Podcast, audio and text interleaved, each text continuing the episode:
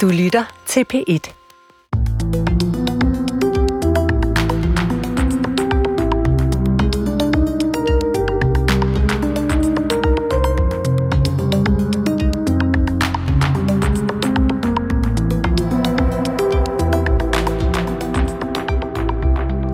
Mange muslimske kvinder kan ikke blive skilt fra deres mand, hvis de ønsker det, fordi der er en kulturel norm om, at manden kan nægte kvinden skilsmisse.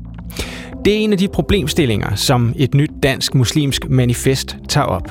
Og som den kvindelige imam Shirin Kankang arbejder målrettet for at gøre noget ved. Og som dette program vil handle om i dag. Vi har gennem den sidste tid interesseret os for, hvordan man kan være troende muslim i et land som Danmark. Og det her er den sidste af de udsendelser, hvor vi både berører helt konkrete udfordringer fra hverdagen og taler ind i de store teologiske spørgsmål, der ligger nedenunder. Velkommen til Tidsånd. Jeg hedder Christoffer Emil Brun. Velkommen nu til Navid Bajk. Du er jo en øh, velkendt gæst her i programmet. Det vil sige, at du har været med øh, nogle gange her de sidste, øh, den sidste stykke tid, fordi du er en af forfatterne bag det, der hedder Dansk Islamisk Manifest, som, øh, som vi har brugt som en form for rampe til at diskutere, hvordan man kan være troende muslim i et moderne land som, øh, som Danmark. Navid, du er også øh, imam i Dansk Islamisk Center, og så er du jo et underviser øh, på Universitetet i Oslo. Ja, og phd studerende Og phd studerende ja. øh, Sig mig, øh, hvordan er det gået sådan hidtil med, med manifestet? Det har været ude en måneds tid nu. Ja, det er rigtigt, og tak fordi jeg måtte være med. Øhm, altså, det har gået overraskende godt. Øhm, og det er jo lidt subjektivt, når jeg står og siger det, men, men vi har fået mange tilbage øhm, meldinger. Mm. Vi har fået økonomisk støtte øh, for mennesker, der vil støtte vores projekt med podcastdelen. Vi har fået øh, frivillige som gerne vil hjælpe med, med projektet, med, med podcasten, som jo hedder Sharia Manifestet. Vi har allerede holdt vores første, første møde om det. Um, vi har haft um, uh, feedback igennem sociale medier, som har rost uh, manifestet, og der var faktisk en, som skrev, at uh, hun har savnet sådan et manifest, sådan en ung, akademiker med ja. muslimsk baggrund, okay. som synes, hun savnede i manifest længe, um, som ligesom um, på skrift nedfælder altså nogle centrale øh, temaer for, for unge muslimer i forhold til, hvordan de skal leve deres liv. Og især de her forvirrede tider, som jeg kalder dem for, mm. hvor, hvor det, vi er og lever i en følelsesbaseret samfund, er det jo vigtigt nogle gange at have noget, der er mere normativt. Så for at give nogle en grounding, nogle retningslinjer, en grounding øh, til unge muslimer i forhold til, hvordan de skal forholde sig til de helt store spørgsmål omkring livet. Ja. Vi vender lidt tilbage til også modtagelsen af af manifestet senere i programmet. Et af manifestets, eller måske øh, en af de øh, vigtigste sådan, ambitioner med manifestet, er at etablere en øh, samtale mellem muslimer i Danmark om det, som du fortæller om, hvordan skal man egentlig være troende muslim i et øh, moderne og jo i høj grad sekulært samfund som øh, det danske. Nu er islam i Danmark jo mange forskellige ting. Øhm, det bliver også tydeligt i den her øh, udsendelse i dag, hvor den kvindelige imam Shirin Kankang er en af gæsterne. Men det har også været et stort ønske for mig at indlede en samtale med nogle af de lærte eller øh, troende muslimer, som repræsenterer en mere traditionel eller konservativ linje, og derfor er jeg glad for at kunne øh, byde velkommen til dig, Omar Al-Khatib. Mm, tak. Du er debattør øh, i forhold til islam og samfund. Du studerer klassisk islam. Mm.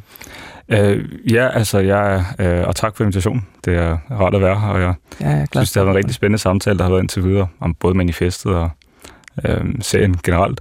Altså, min baggrund er, øh, som du nævner, studerer klassisk islam, haft en øh, religiøs opvækst, og øh, er uddannet civiløkonom, øh, og har haft min baggrund i øh, en række muslimske ungdomsorganisationer i Danmark. Øh, Og har ligesom været meget aktiv i det muslimske civilsamfund, især hvad man vil kalde de muslimske kredse generelt. Mm.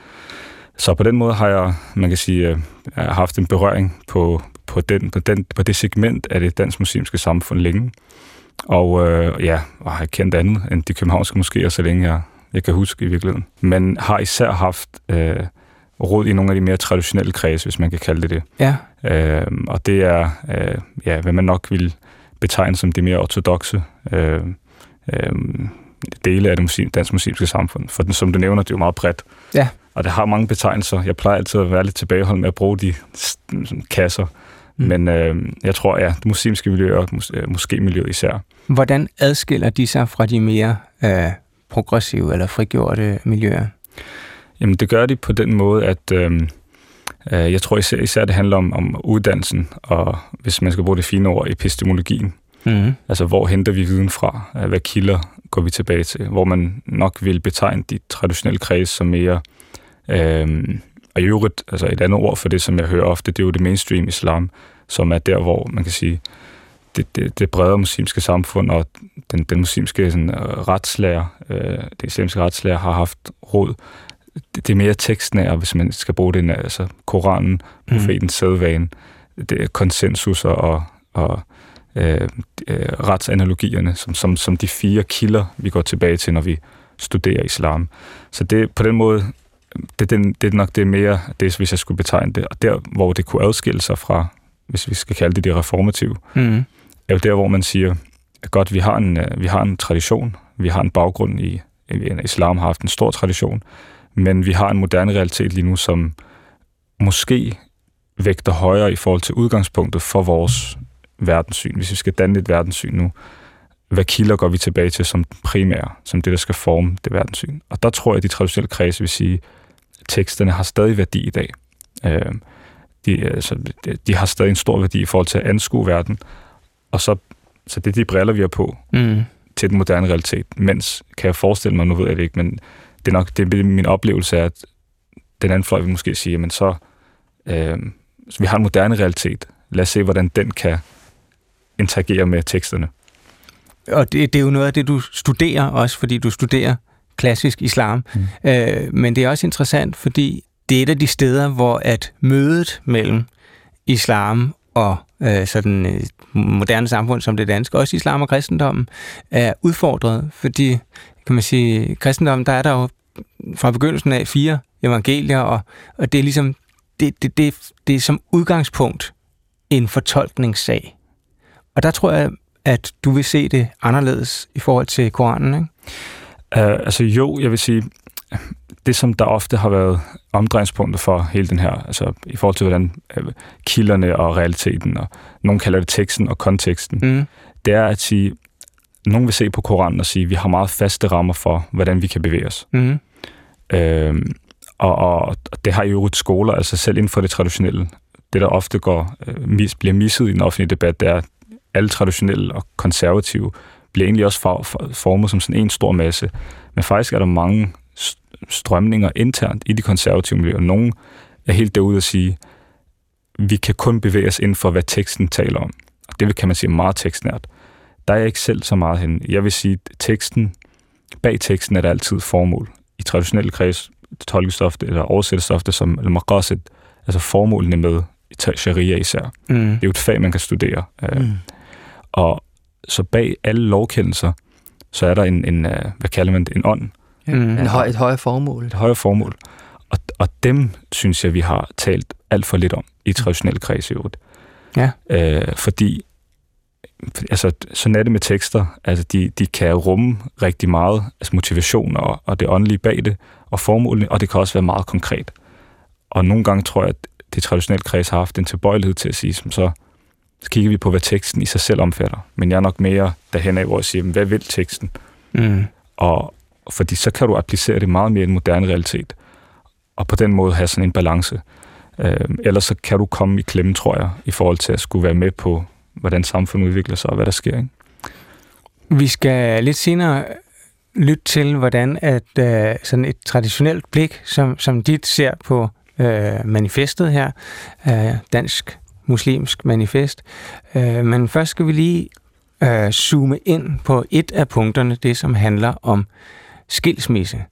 Det er et af de punkter, øh, I tager op, Navid, øh, og det er også noget af det, som den kvindelige imam Shirin Kang interesserer sig meget for i øjeblikket, og derfor har jeg talt med hende, og lad os prøve at lytte til det.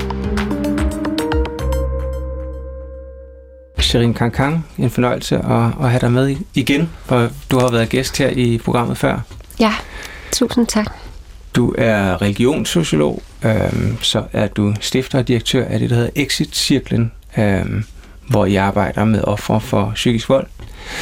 Og så er du også imam og stifter af Mariam Moskeen, en øh, ja, Nordens første moské med kvindelige imamer. Hvad arbejder I for i, øh, i Mariam Moskeen? Hvad er sådan jeres hovedfokus? Da vi startede Mariam Moskeen tilbage i 2016, der vidste vi jo ikke, hvilke dilemmaer den nye generation af unge muslimer øhm, står overfor.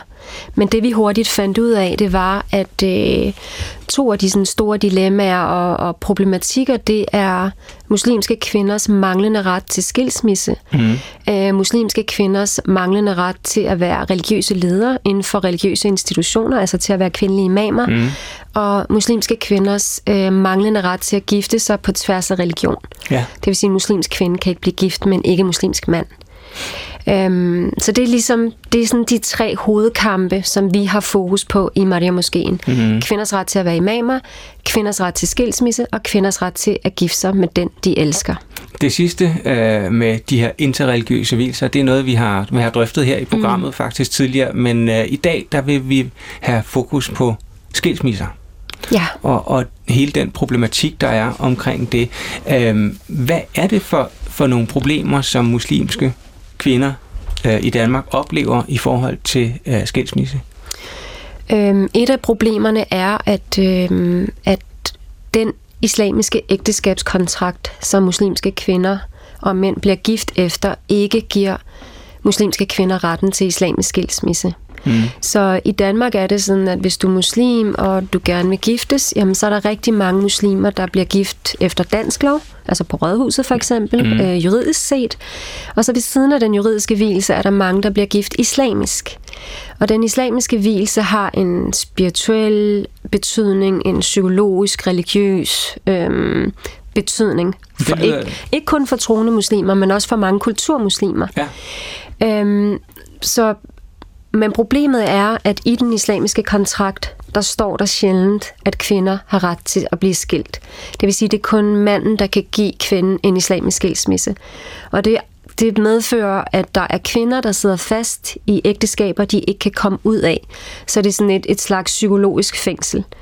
Altså fordi man kan forestille sig, at en kvinde vil gerne øh, skilles, Ja. Men manden tillader det simpelthen ikke. Præcis. Problemet er, at øh, hvis du er kvinde, og du gerne vil skilles, øh, jamen hvis manden så nægter det, og ikke vil give sit samtykke, så er det meget, meget svært at blive skilt.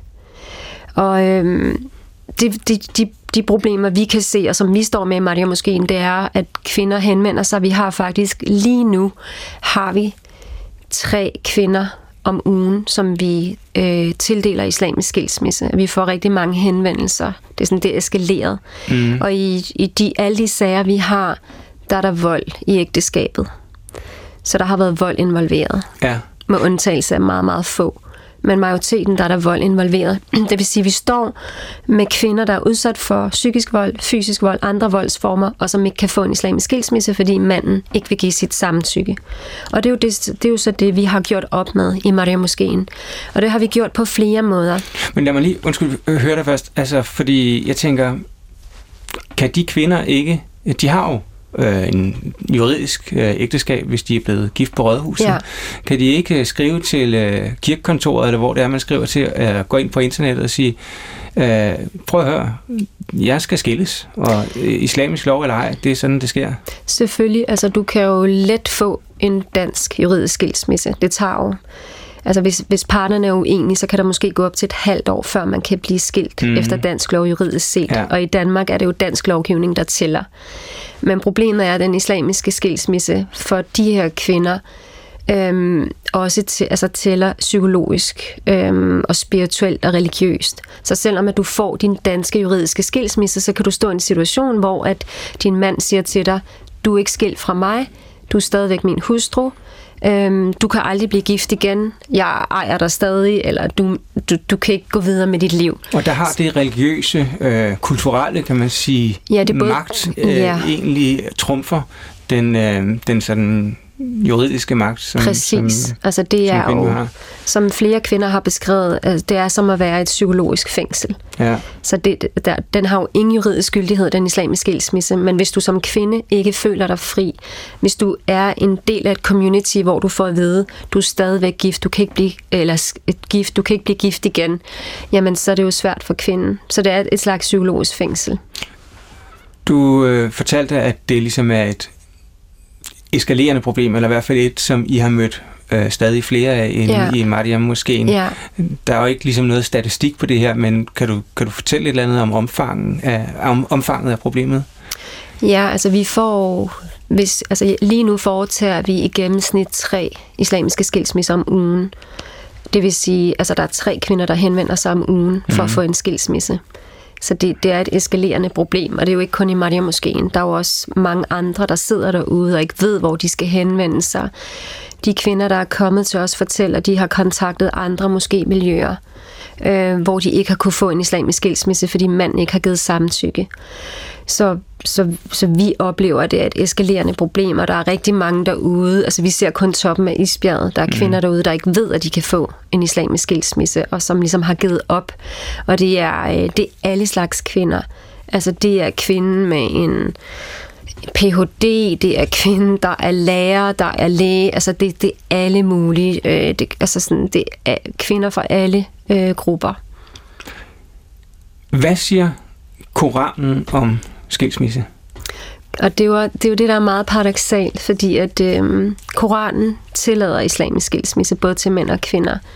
Øh, for eksempel står der i Koranen i der står, at, øh, at, at kvinder har ret til skilsmisse, at man ikke må holde på en kvinde, der gerne vil skilles. Øhm, at, og det står der op til flere steder i Koranen, så det, det er helt entydigt, og der er 100% konsensus blandt muslimske lærte og retslærte omkring, at kvinder har ret til islamisk skilsmisse. Okay. Der er jo, udover Koranen, så har vi jo også øh, fire sunni-muslimske retsskoler, ja. som også anerkender kvindens ret til skilsmisse. Så har vi også en shia-muslimsk, der gør det samme. Så der er konsensus religiøst set og teologisk set omkring, at kvinder har ret til skilsmisse. Mm. Alligevel ser vi en praksis, der er helt modsatrettet øh, det teologien ligesom foreskriver. Ja. Og det er jo et paradoks. Øh, og det, det er simpelthen fordi, at vi desværre, øh, religiøse ledere har desværre normaliseret en patriarkal struktur øh, på skilsmisseområdet, og der er virkelig brug for at reformere det her område. Hvis kvinden søger skilsmisse, så hedder det hula på arabisk. Mm-hmm. Og denne her proces, hvor kvinden søger skilsmisse, der er der ligesom opstået en konsensus og en tradition omkring, at i den proces, der skal imamen sørge for at forsone, altså der skal være en forsoningsproces, inden man bliver skilt. Så man skal prøve at male mellem parterne. Det er og, jo faktisk også det, som staten af alle ja. har forsøgt at indføre her i Danmark sidste ja. år. Og udover det, så skal manden ligesom give sit samtykke. Og det er jo, det er jo paradoxalt, fordi i mange af de sager, vi sidder med, for eksempel, der er der vold mm. involveret. Nogle gange er kvinden på krise hjem med sine børn. Så vi vil jo aldrig gå ind og male, eller øhm, det, det er jo ikke hensigtsmæssigt at male, hvis der er vold involveret. Mm. Og, og det er jo desværre de situationer, kvinderne står i, så får de at vide, jamen vi skal male først i de moskéer, de, de besøger. Vi, de får at vide, der skal være en mælingsproces. Manden skal give sit samtykke, før vi kan give dig din skilsmisse. Og det er, sådan en, det er jo en umulig proces, hvis manden ikke vil skilles. Altså, så vil han jo ikke være interesseret i hverken at give samtykke eller øh, sætte kvinden fri. Så det, det er spørgsmålet om mandens samtykke, og ikke at forveksle med den anden samtykke-lovgivning, ja. som man har talt meget men, øh, men altså... Og det vi har gjort i Maria Moskeen, det er, at vi, vi, vi, der er ikke nogen mailingsproces, øh, og kvinden kan blive skilt uden mandens samtykke. Det vi har gjort, det er, at vi har forfattet eller konstrueret en, en ægteskabskontrakt, hvor det tydeligt fremgår, at kvinder har ret til skilsmisse. Men øh, undskyld, lad, ja. mig, lad mig bare lige øh, opholde ja os lidt, før vi når til, til ja. det her med ægteskabskontrakten, som er super vigtigt, men øh, hvis der er så stor forskel på, hvad øh, der er sådan teologisk konsensus om, mm. praksis mm. I, i danske moskéer og blandt danske muslimer, hvordan kan det være? Det er da mærkeligt. Det er ikke kun i danske moskéer. Nej, okay. det, er jo, det er overalt i verden, desværre. Ja. Så det er, et, det er et universelt globalt problem. Jamen, det er jo ligesom med de andre temaer, jeg introducerede i starten. Ja. Altså, vi har øh, for eksempel spørgsmål om kvindelige imamer. Øh, altså, øh, på profetens tid i Medina i 600-tallet, der eksisterede der kvindelige imamer. Profeten udnævnte selv en kvinde, der hed Umaraka, til at være kvindelig imam i 600-tallet mm. i Medina. Øh, Aisha Um Salama er eksempler på to kvinder, der har ledt bønden i Medina efter profetens død i 632. Så kvindelige imamer er teologisk set et fænomen, der har eksisteret og været praktiseret i 600-tallet i Medina. Hvordan kan det så være, at vi i 2021 at der stadigvæk er mange, der finder det kontroversielt overhovedet at tale om kvindelige imamer, eller har svært ved at forstå, at det ligesom er legitimt, og det teologisk set er en del af vores øh, teologi. Så der er jo altid de her paradoxer, øh, som vi oplever. Øh, vi fik også de første kvindelige præster i Danmark i 1948. Ja. Så altså, der er jo ofte der, kan der være paradoks mellem teologien og idealet og så virkeligheden. Og, ja. og nogle gange, så hvis vi normaliserer en patriarkalsk praksis, jamen, så bliver det ligesom normgivende, så det er det, vi ligesom lever efter, og folk glemmer at sætte spørgsmålstegn ved det, og har svært ved at udfordre det. Så spørgsmålet, eller problemet omkring øh, muslimske kvinders øh, skilsmisse og ret til skilsmisse, er del af et større øh, problem, som handler om en patriarkalsk øh, struktur. Præcis. Ja, øh, og, og fortolkning. Og fortolkning, ja. Fortolkning af Koranen. En patriarkalsk fortolkning af Koranen. En patriarkalsk struktur. Patriarkalske praksiser, der er blevet normaliseret øh, igennem tiden, og som, som folk lever efter og ikke sætter spørgsmålstegn med.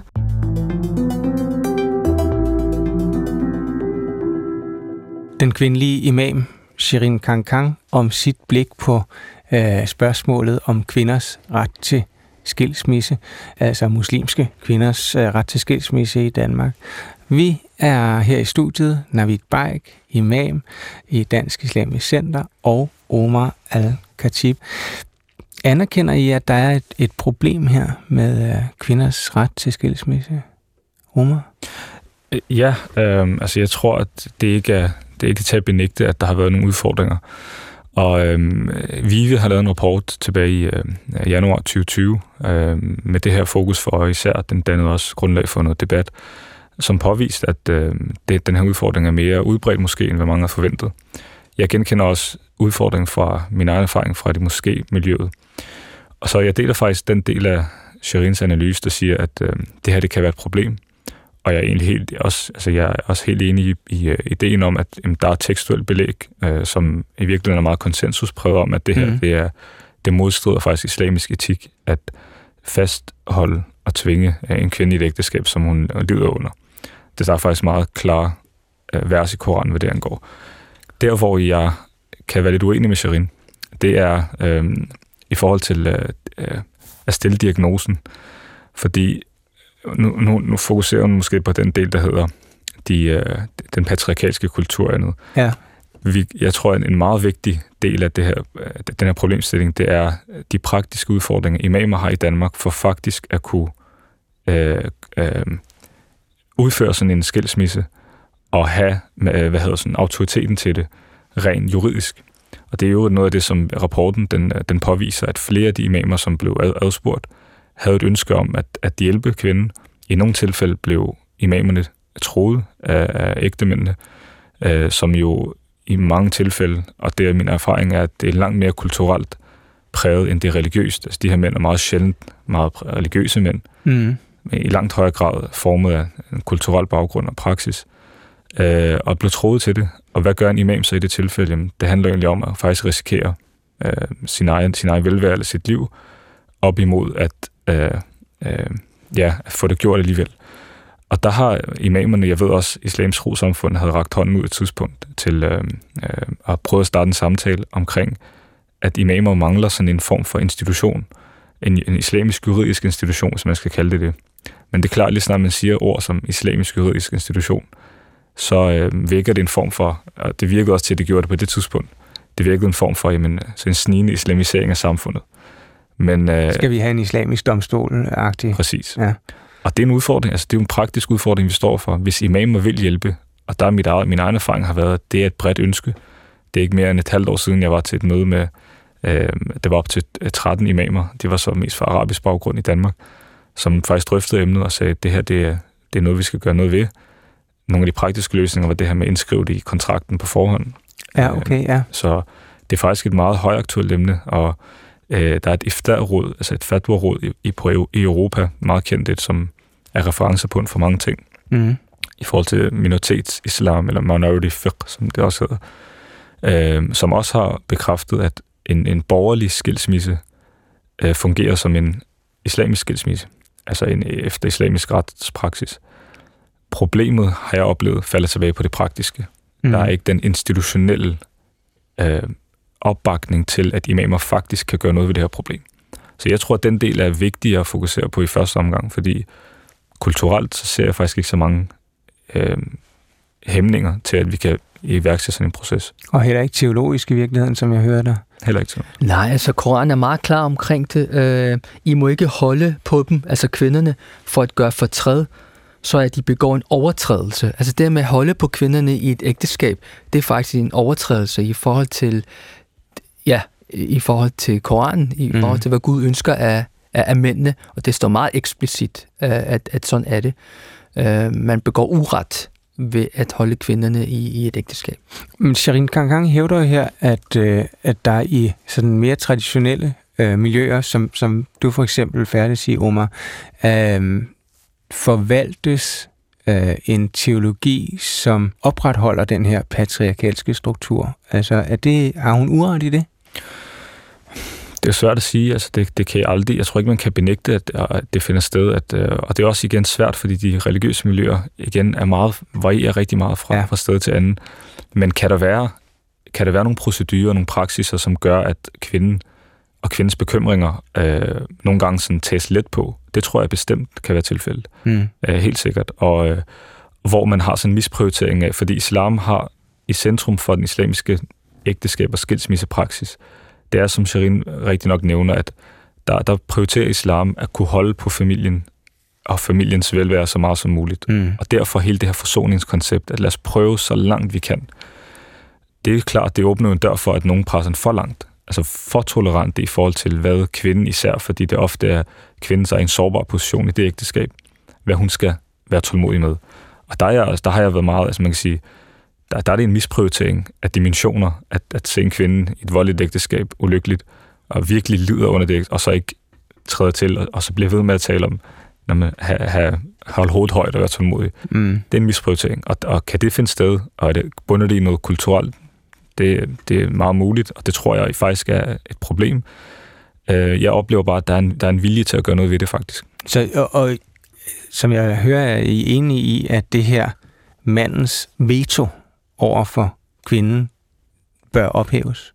Der skal være ligestilling, synes jeg, på det område. Ja. Det gør vi også, øh, når jeg har en hvilse i morgen, og når jeg kommer frem, øh, øh, har et certifikat, hvor der står i, hvor de begge, begge parter underskriver, at øh, en borgerlig skilsmisse er lige med en islamisk skilsmisse. Okay. Så det er noget, de går ind i.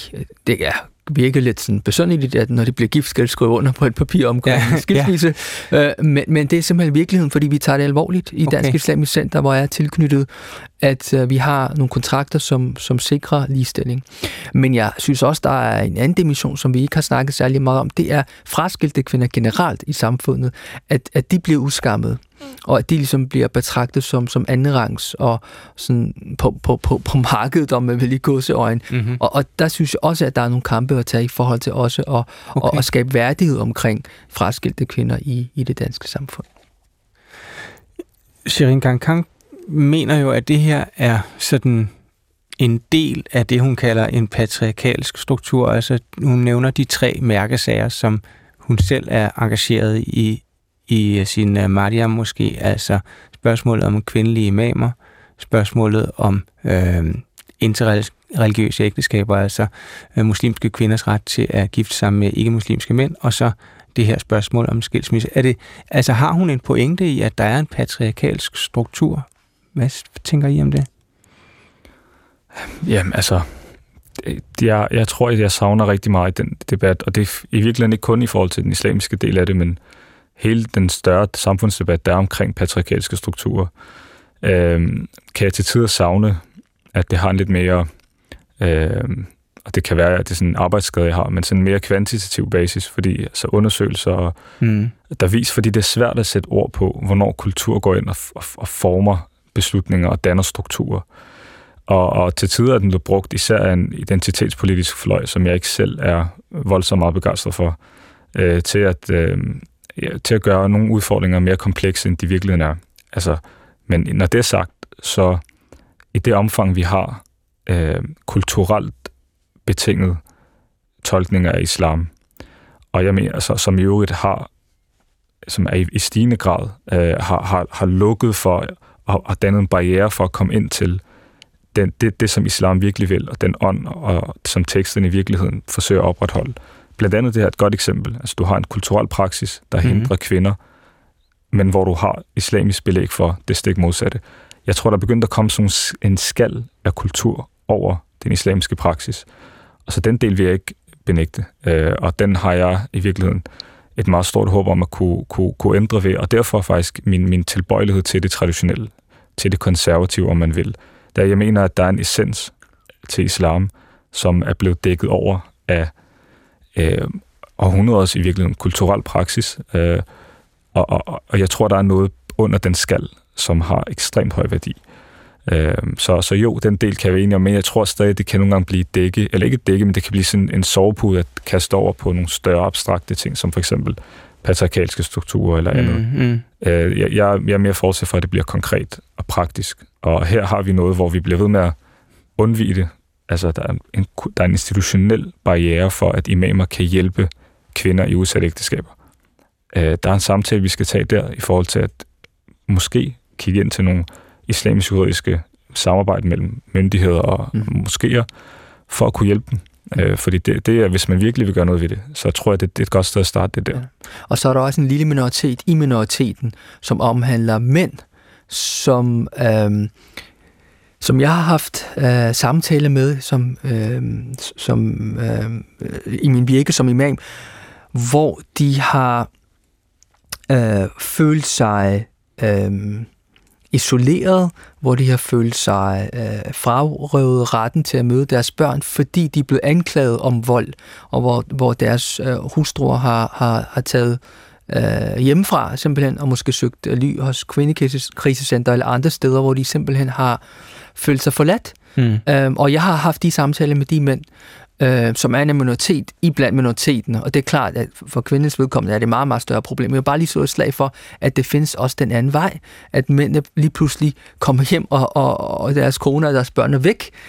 Um, og jeg synes også, at vi skal tale om, om, om det her. Uh, jeg ved godt, at jeg ikke er rette sted i dag, fordi der er fokus på noget andet. Men jeg synes også, at vi skal have det med, fordi vi skal, ikke, vi skal også have nuancerne med. Mm. At mændene bliver også nogle gange um, um, frataget deres rettigheder. Og det gælder jo øh, for muslimske mænd, såvel som for alle mulige andre mænd i, i, i vores samfund. Det Absolut. er jo et, et, i virkeligheden et bredt problemstilling, du, øh, du taler om her. Øh, I forhold til skilsmisse, så lad, lad os lige høre, hvad Jean Kang egentlig øh, mener, at man skal gøre ved problemet. Prøv lige med her. Hvad er løsningen på hele øh, den her vanskelige problematik omkring muslimske kvinders øh, ret til skilsmisse, ifølge dig, Jean Kang? Den er faktisk ret lige til. Ja. Øhm, ligesom at øh, løsningen på, at vi ikke har haft kvindelige imamer før 2016, det var at etablere en moské med kvindelige imamer. Altså, øhm, hvis man skal udfordre de her patriarkalske strukturer, så nytter det ikke noget at holde konferencer og lave manifester. Altså, vi er nødt til at gå ud i virkeligheden og gøre det, der skal gøres.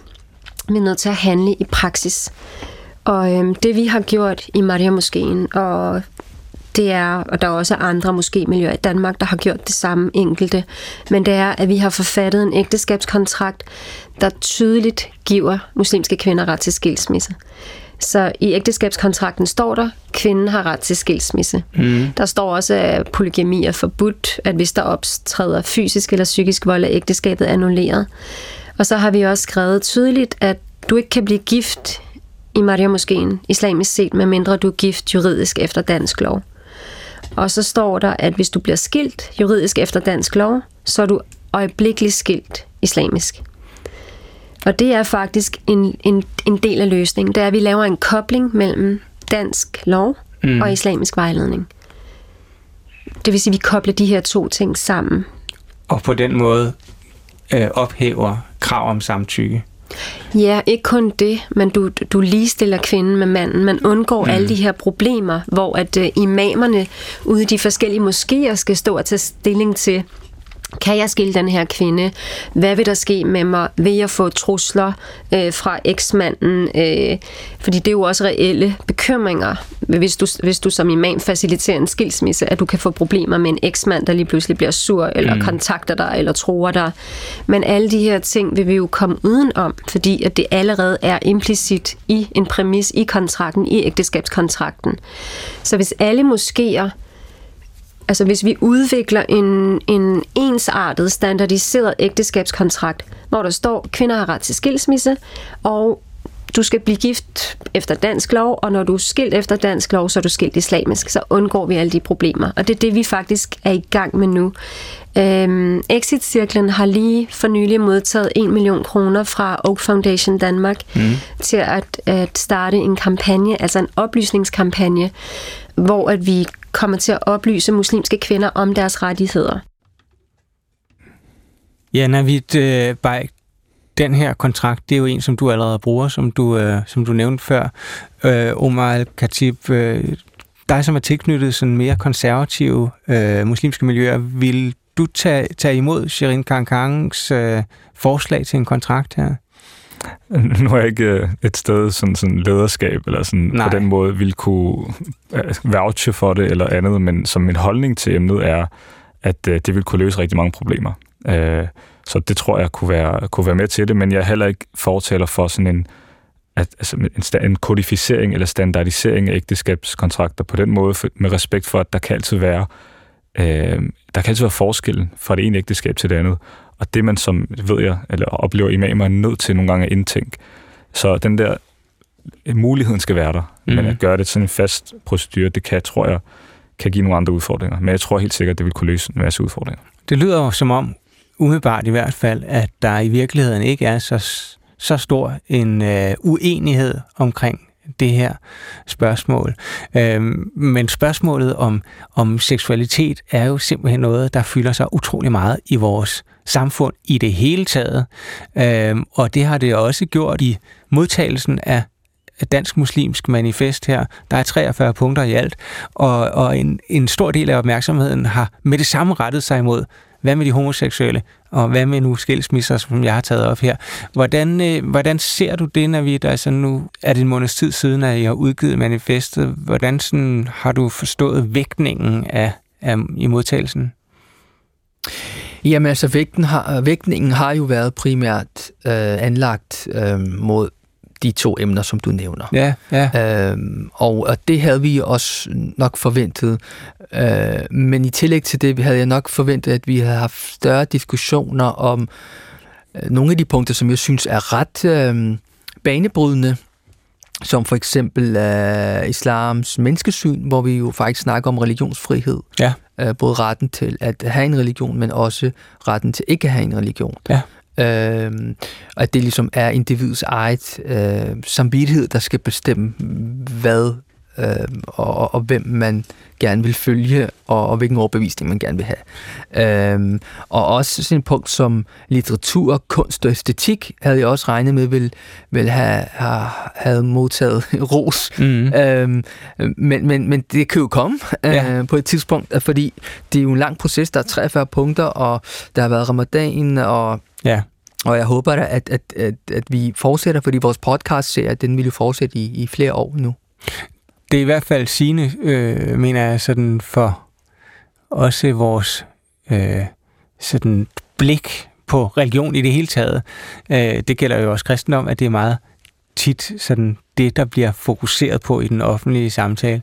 I, i, i det her tilfælde slog det mig, at øh, flere af de punkter, som øh, er faldet folk for brystet øh, holdningen til øh, homoseksuel, altså hvor I anbefaler, at man er afholden simpelthen. Øh, men jo også spørgsmål om sex før ægteskab, er nogle, nogle holdninger, som jo er en til en de samme som i den katolske kirke. Øhm, og det, det slog mig bare, fordi at det er jo ikke noget, man diskuterer særligt tit i forhold til katolikkerne. Men vi følger bare den kristne kulturarv jo. Det er jo nærmest, ja. altså den katolske.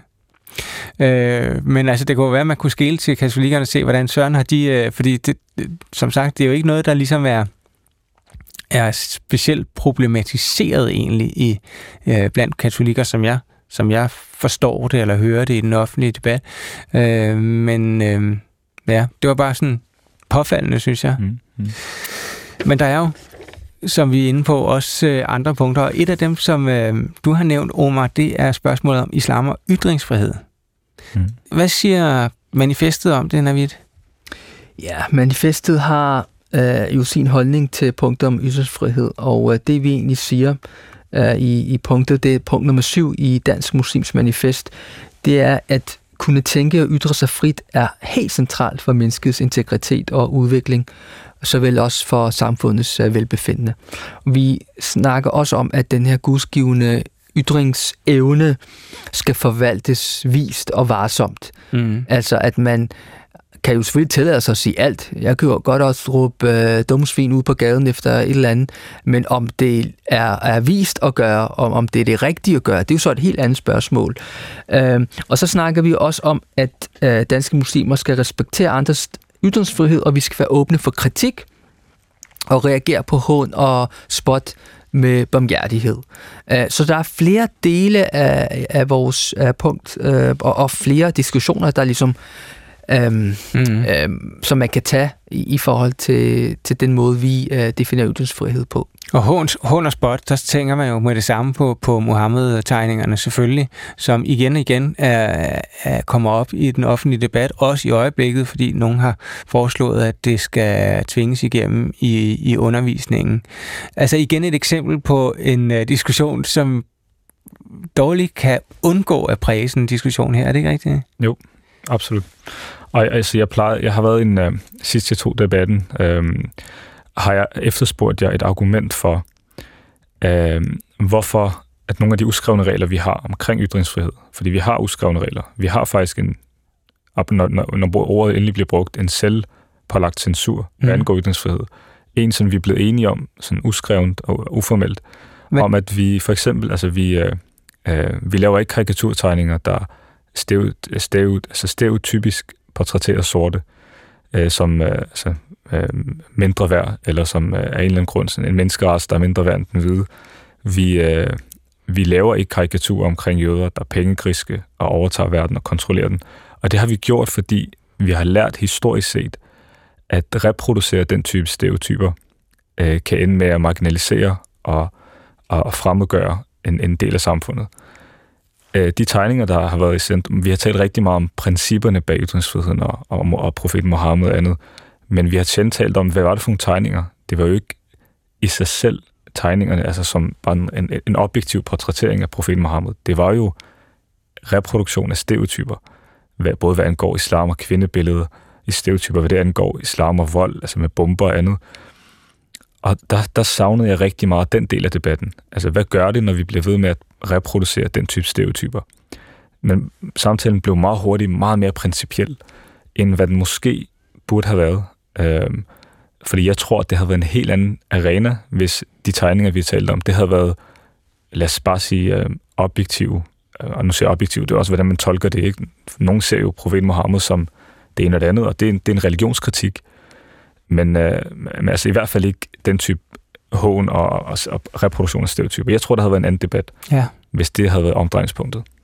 Det blev en, en meget principiel debat, både herhjemme, men jo også altså globalt, må man sige, øh, også i, i, øh, i dele af den muslimske verden, øh, som, som også lige pludselig forstod det som en principiel, et principielt angreb.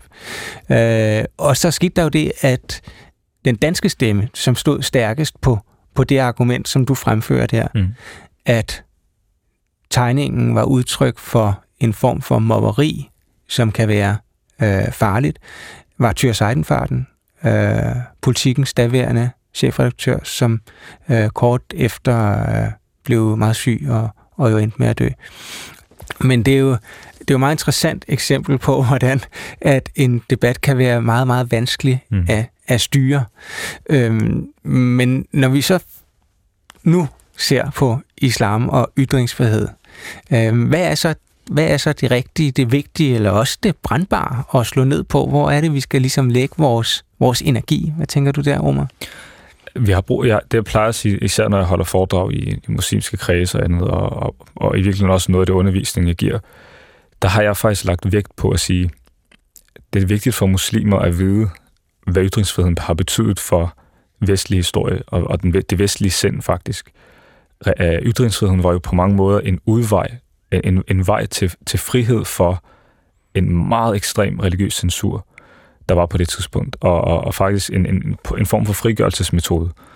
Og det tager, går tilbage til Voltaire og går tilbage til øh, altså hele den periode, hvor ytringsfriheden var faktisk et, sådan et, et, et, et åndehul, sådan en måde at komme ud af rigtig meget censur og mm. undertrykkelse på. En del af hele oplysningsprojektet. Præcis. Og den del, tror jeg, kan være er meget undervurderet, når vi taler, når muslimer mellem hinanden taler om ytringsfriheden, fordi når vi forstår, hvor meget det fylder og har fyldt i det, i det vestlige, vestlige kulturarv, i det historie og baggrund, så tror jeg, at vi forstår kompleksiteten af debatten, og ikke selv griber til simplificeringerne, som for eksempel, I kan bare lade være. Hvorfor er det vigtigt? Hvorfor er det vigtigt for at udfordre magt, for eksempel? Mm. Og så vil den, i hvert fald den, den øh, oplyste, øh, det moderne menneske sige, nej, altså det har jo betydet meget for vores udvikling. På den anden side, altså det, det er en indrømmelse i godsøjen, eller en overvejelse, den muslimske del af samfundet nødt til at gøre, og sige, vi, lad os forstå det i første omgang, hvorfor det fylder så meget. Men omvendt også for samfundet at sige, her har vi en gruppe af folk, her har vi en gruppe af mennesker, som, hvor religion stadigvæk betyder utrolig meget, er med til at forme et verdensbillede, og der er nogle helligdomme, som betyder, betyder utrolig meget. Det, at man i Vesten er kommet videre fra det, og i virkeligheden er kommet meget langt væk fra helligdom på den måde, er, er ikke nødvendigvis også tilfældet for den muslimske minoritet. Og at der stadigvæk kan være en visdom i at kunne omfavne den del, og respektere det, at der er nogen, der virkelig har, altså, hvor profeten Mohammed ikke bare er sådan et abstrakt magtbillede, som det ofte bliver tegnet som, men et meget personligt og, og livsbekræftende øh, forhold. Mm. Øh, altså, også at prøve at forstå den del. Så jeg tror, det starter med viden og forståelse, og at kunne mødes på midten et eller andet sted. Ikke? Mm. Men når jeg kigger på det, så er noget af det, der slår mig, eller som jeg har spekuleret over, øh, om der er en, kan man sige, grundlæggende kløft i forhold til sådan øh, det her med forståelsen af teksten i virkeligheden, som, som du også var inde på tidligere. Altså, at hvis Koranen så at sige er givet af Gud, af Allah selv, gennem profeten Mohammed, om det udgør et teologisk øh, en stor teologisk forskel. Altså det var det, jeg var inde på også tidligere, hvor øh, man kan sige, Bibelforståelsen, det, det, det er en tekst, det er en historisk tekst. Den er kommet i flere forskellige varianter, og så var der Paulus bagefter, og man ligesom, det, det er en, som grundlæggende er genstand for fortolkning. Og der er der jo en stor forskel på egentlig, hvis man, og sådan opfatter jeg øh, den sådan, muslimske tilgang til Koranen, hvis det er en tekst, som er givet af Gud, altså, og som derfor også er mere urokkelig. Hvad er jeres tanker om det? Så åbenbaring er jo øhm, afsluttet for, for muslimernes vedkommende i, forhold til, til, til de hellige skrifter, øh, men forståelsen af den er ikke. Og jeg er ikke helt enig i, at der ikke er den store fortolkningsunivers i den islamiske verden, fordi du har i dag, hvis du kigger igennem litteraturen, øh, og det teologiske litteratur. Du har fortolkninger, som spænder meget, meget vidt. Du har videnskabelig fortolkning af Koran. Du har fortolkning, der er baseret på, på fornuften, altså rationaliteten. Du har mystiske eller spirituelle fortolkninger af Koran. Mm. Du har også meget litterære, puritanske fortolkninger af Koranen. Uh, og så har du alt muligt, altså Salafi, Sufi, uh, Mutazali. Du har alle mulige forskellige filosofiske, teologiske retninger, som har præget Koranen igennem 1400 år. Så jeg tror, vi i debatten glemmer egentlig, hvor stor bredde der er i forhold til fortællingsuniverset. Øhm, og, og, og det er nok fordi, at, at vi ikke er særlig bevidst om, om islamisk teologisk historie i, i Danmark. Det er muslimer generelt heller ikke. Øhm, og, øh, og der er der brug for, at vi, øh, vi kigger lidt dybere ind, ind på, på islamisk historie og islamisk teologi i det hele taget. Mm. Øh, fordi det hele bliver så sort og hvidt, at, som om muslimer ikke kan uh, fortolke og, og, og, og læse Koranen i en nutidig kontekst. Og det har jeg faktisk et helt uh, andet manifestpunkt om, mm. uh, omkring åbenbaring i nutiden, som vi kalder det for.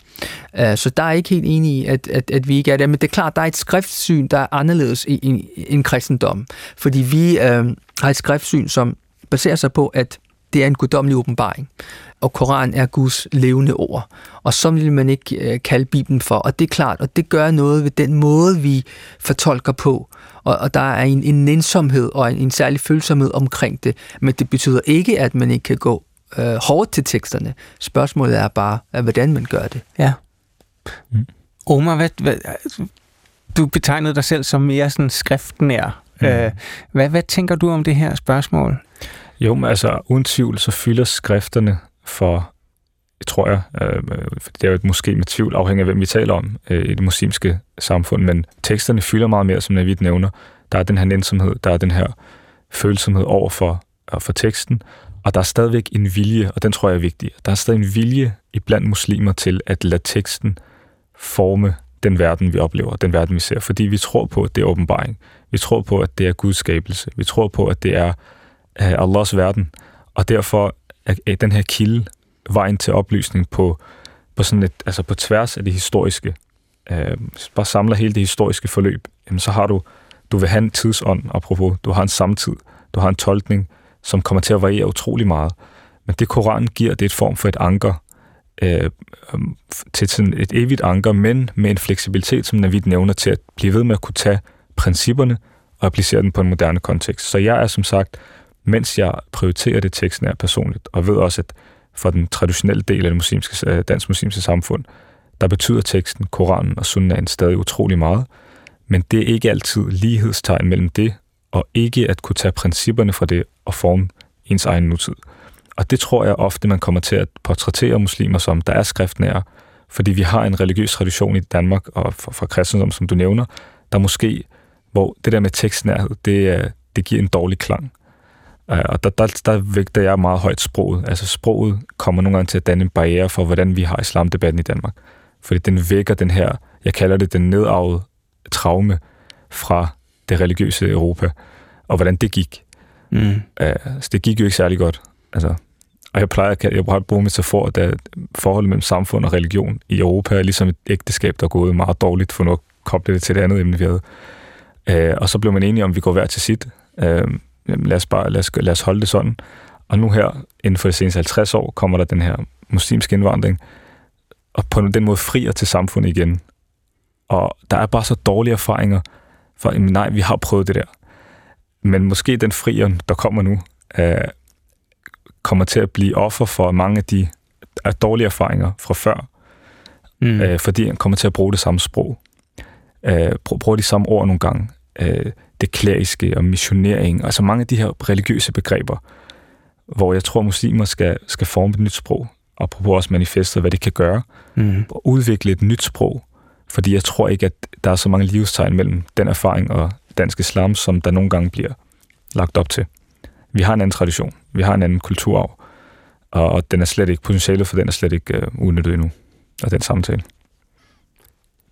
Sproget øh, i kristendom, det kom jo øh, netop i dag, pinsedag, øh, sendt af Gud i øvrigt, øh, og satte sig som tunger af ild oven på øh, disciplenes hoveder. Et helt syret billede. Øh, det er Helligånden. Kan man oversætte det øh, ind i islam? Altså Helligånden, vi har jo ikke den samme opfattelse af, af Helligånden, fordi i kristendom er det jo en, en guddommelig, det er jo Gud selv, ikke? Altså, mm. øhm, vi har ordet øh, Ruh al-Quds, som betyder helligånd, men vi forstår den anderledes. Øhm, og ifølge nogle fortolker, så er det ærkeengel Gabriel, ifølge andre, så er det engle. Øhm, og på den måde, så er der noget øh, uset ved øh, termet, altså helligånden for, for muslimer også. Øh, men det forstås bare på en anderledes måde. Det er mere en, en inspiration. Øh, og vi har jo lige fejret ramadan, og i ramadan er mm. der mhm. faktisk øh, den 27. nat, som er den allerhelligste nat. Øh, og der er et vers, som, som blandt andet siger, at, at Gud han nedsender ruh, altså ånden, på den 27. i ramadanen. Så der er noget sammenligneligt i forhold til, at Gud vælger nogle gange at inspirere os. Og det gør, at vi har forskellige ord, og vi har forskellige forståelser for det, men, men i bund og grund, så er det Guds vilje til at interagere med, med os mennesker, øh, som, som gør, at, at jeg synes, at, at, at livet er værd at leve. Fordi hvad skulle vi gøre uden Gud og Guds inspiration? Navid Baik, imam ved Dansk Islamisk Center, og altså en af forfatterne til Dansk Muslimsk Manifest. Tak for dit besøg her i Tidsånd. Selv tak. Og stort tak også til dig, Omar Al-Khatib. Du er jo altså øh, studerende ved øh, klassisk islam. Mm. Regner du med en gang at blive imam? Det, det kunne meget vel gå den retning, men øh, jeg tror for nu, så har jeg hænderne om hele det her øh, spændingsfelt mellem islam og modernitet. Og i virkeligheden prøve at gå lidt mere idehistorisk til det, øh, og mm. prøve at forstå den del. Men øh, det kunne være. Mange tak for besøget. Selv tak. Det var alt for Tidshånd for i dag. Jeg hedder Christoffer Emil Brun. Tak fordi du lyttede med, og på genhør næste uge.